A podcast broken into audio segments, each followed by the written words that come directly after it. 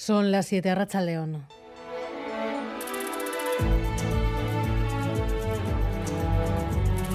Gambara con Arancha García.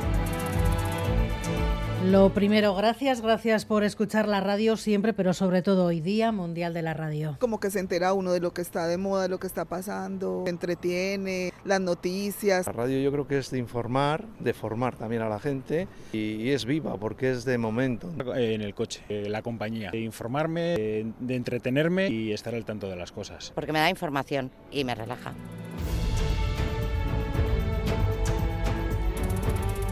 Nerea Melgosa ha dejado esta tarde sus responsabilidades en la ejecutiva del PNV. Mañana será nombrada consejera de Igualdad, Políticas Sociales y Justicia. Asume el cargo que deja libre Beatriz Artola Zábal, candidata a la alcaldía de Gasteiz. Y es que la precampaña, las elecciones de mayo empieza a coger velocidad. Los partidos van cerrando las últimas presentaciones de candidaturas y de alianzas.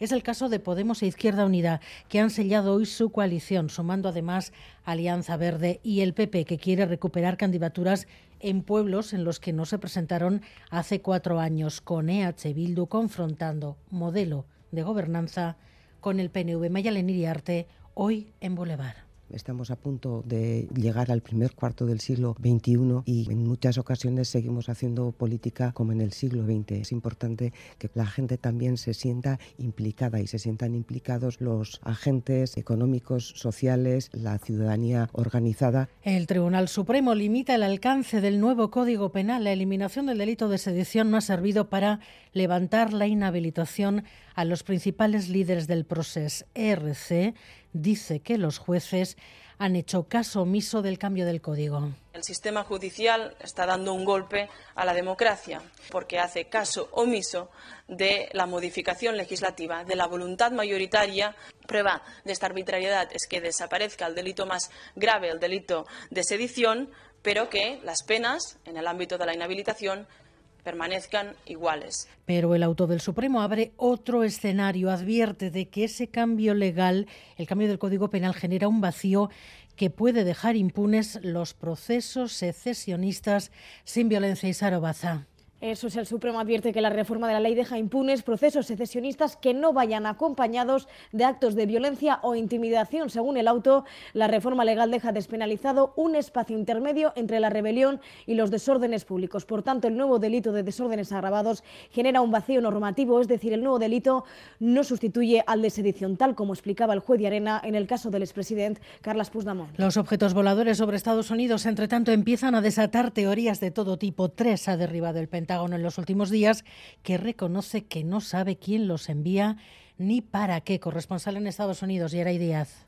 En las últimas horas está aumentando la presión para que el presidente Joe Biden explique públicamente qué es lo que está pasando. Pero la pregunta de qué son, para qué sirven y desde dónde han llegado está ahora mismo en el aire. Preguntado sobre si podrían ser de origen extraterrestre, esto es lo que dice el general de la Fuerza Aérea estadounidense Glenn Van Herk. Have you ruled out aliens or extraterrestrials? I haven't ruled out anything. No descarta nada, pero altos funcionarios han salido enseguida a desmentirlo y aseguran que son objetos fabricados en la Tierra. En unos minutos hablamos aquí en Gambara con Eneco Aspe, colaborador de la NASA. Intentamos averiguar qué puede haber detrás de esos globos. Y ya están en Gasteiz los bomberos alaveses desplazados la semana pasada a Turquía.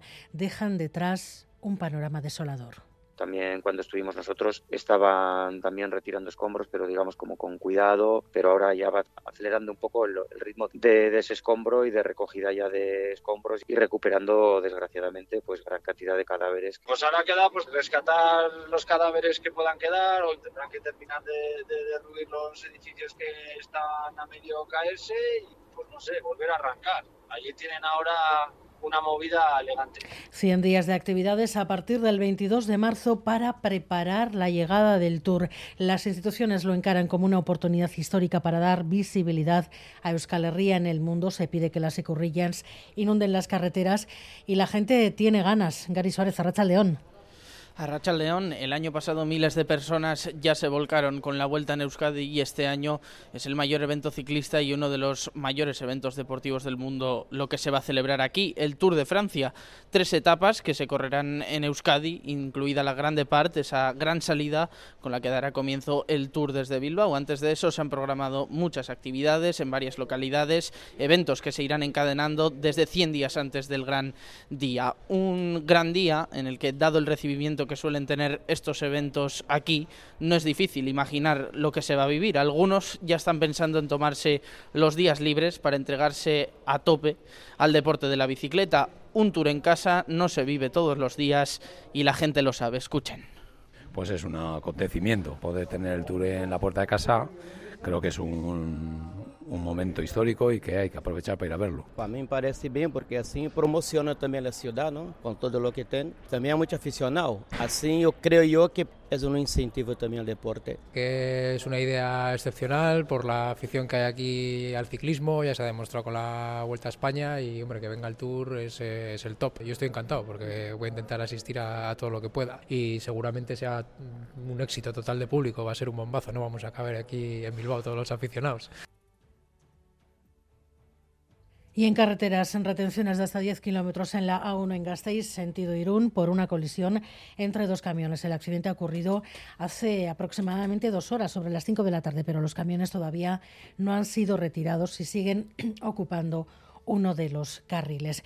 Y los deportes, Alberto Negro, Arrachaldeón. Arrachaldeón, pendientes estamos del partido que la Real va a disputar en Cornellá el Prat a partir de las 9 de la noche ante el Real Club Deportivo Español, el conjunto Churiurdin que recupera para el encuentro de esta noche a Miquel Merino, a Sola y a Guevara. La Real que intentará abrir todavía más hueco con respecto al quinto clasificado en el campeonato de liga. Dentro del deporte del ciclismo, además de los datos ya conocidos de la Grande Par del Tour de Francia, hoy se ha estrenado en la temporada 2023 Tadej Pogachar, que se ha impuesto además a lo grande en la clásica de Jaén, mientras que Jorgensen, el corredor del Movistar, eh, hacía lo propio en el Tour de Oman. Y por lo demás, en, en, pelota se disputa a partir de las siete y media de la tarde el tercer puesto de las Winter Series de cesta en Guernica. Olaran y Vázquez se van a enfrentar a la pareja que conforman Goico y Echeto.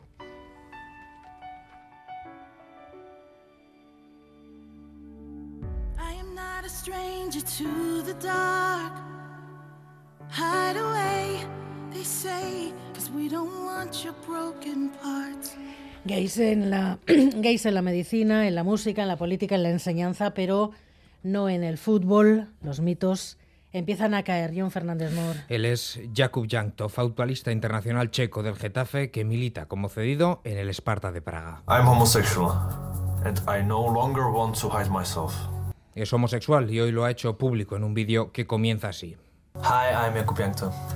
Like everybody else, I have a job which I've been doing it as best as I can. Tengo un trabajo y lo hago lo mejor que puedo. Un trabajo el fútbol en el que sigue existiendo un gran tabú respecto a la homosexualidad. El pionero fue Justin Fashanu en 1990. Su carrera se vio totalmente truncada por la homofobia. Fue después acusado de una agresión sexual y pese a que la policía desestimó el caso, él terminó suicidándose. Nadie más daría el paso hasta octubre de 2021 cuando se pronunció abiertamente Josh Cavallo, futbolista del Adelaide United australiano. Le siguió en mayo del 22 Jake Daniels de 18 años, jugador de la segunda división inglesa. No hay más casos. Jakub Jankto es el primer futbolista perteneciente a un equipo de la Liga Española en hacer pública su homosexualidad y lo hace porque quiere vivir en libertad. Like everybody else, I also want to live my life in freedom, without sin miedo y sin prejuicios. Las reacciones no se han hecho esperar. La propia FIFA, las ligas, los clubes de fútbol han salido rápidamente a mostrar su apoyo a Jakub Jankto, el protagonista de esta noticia que ojalá algún día deje de ser noticia.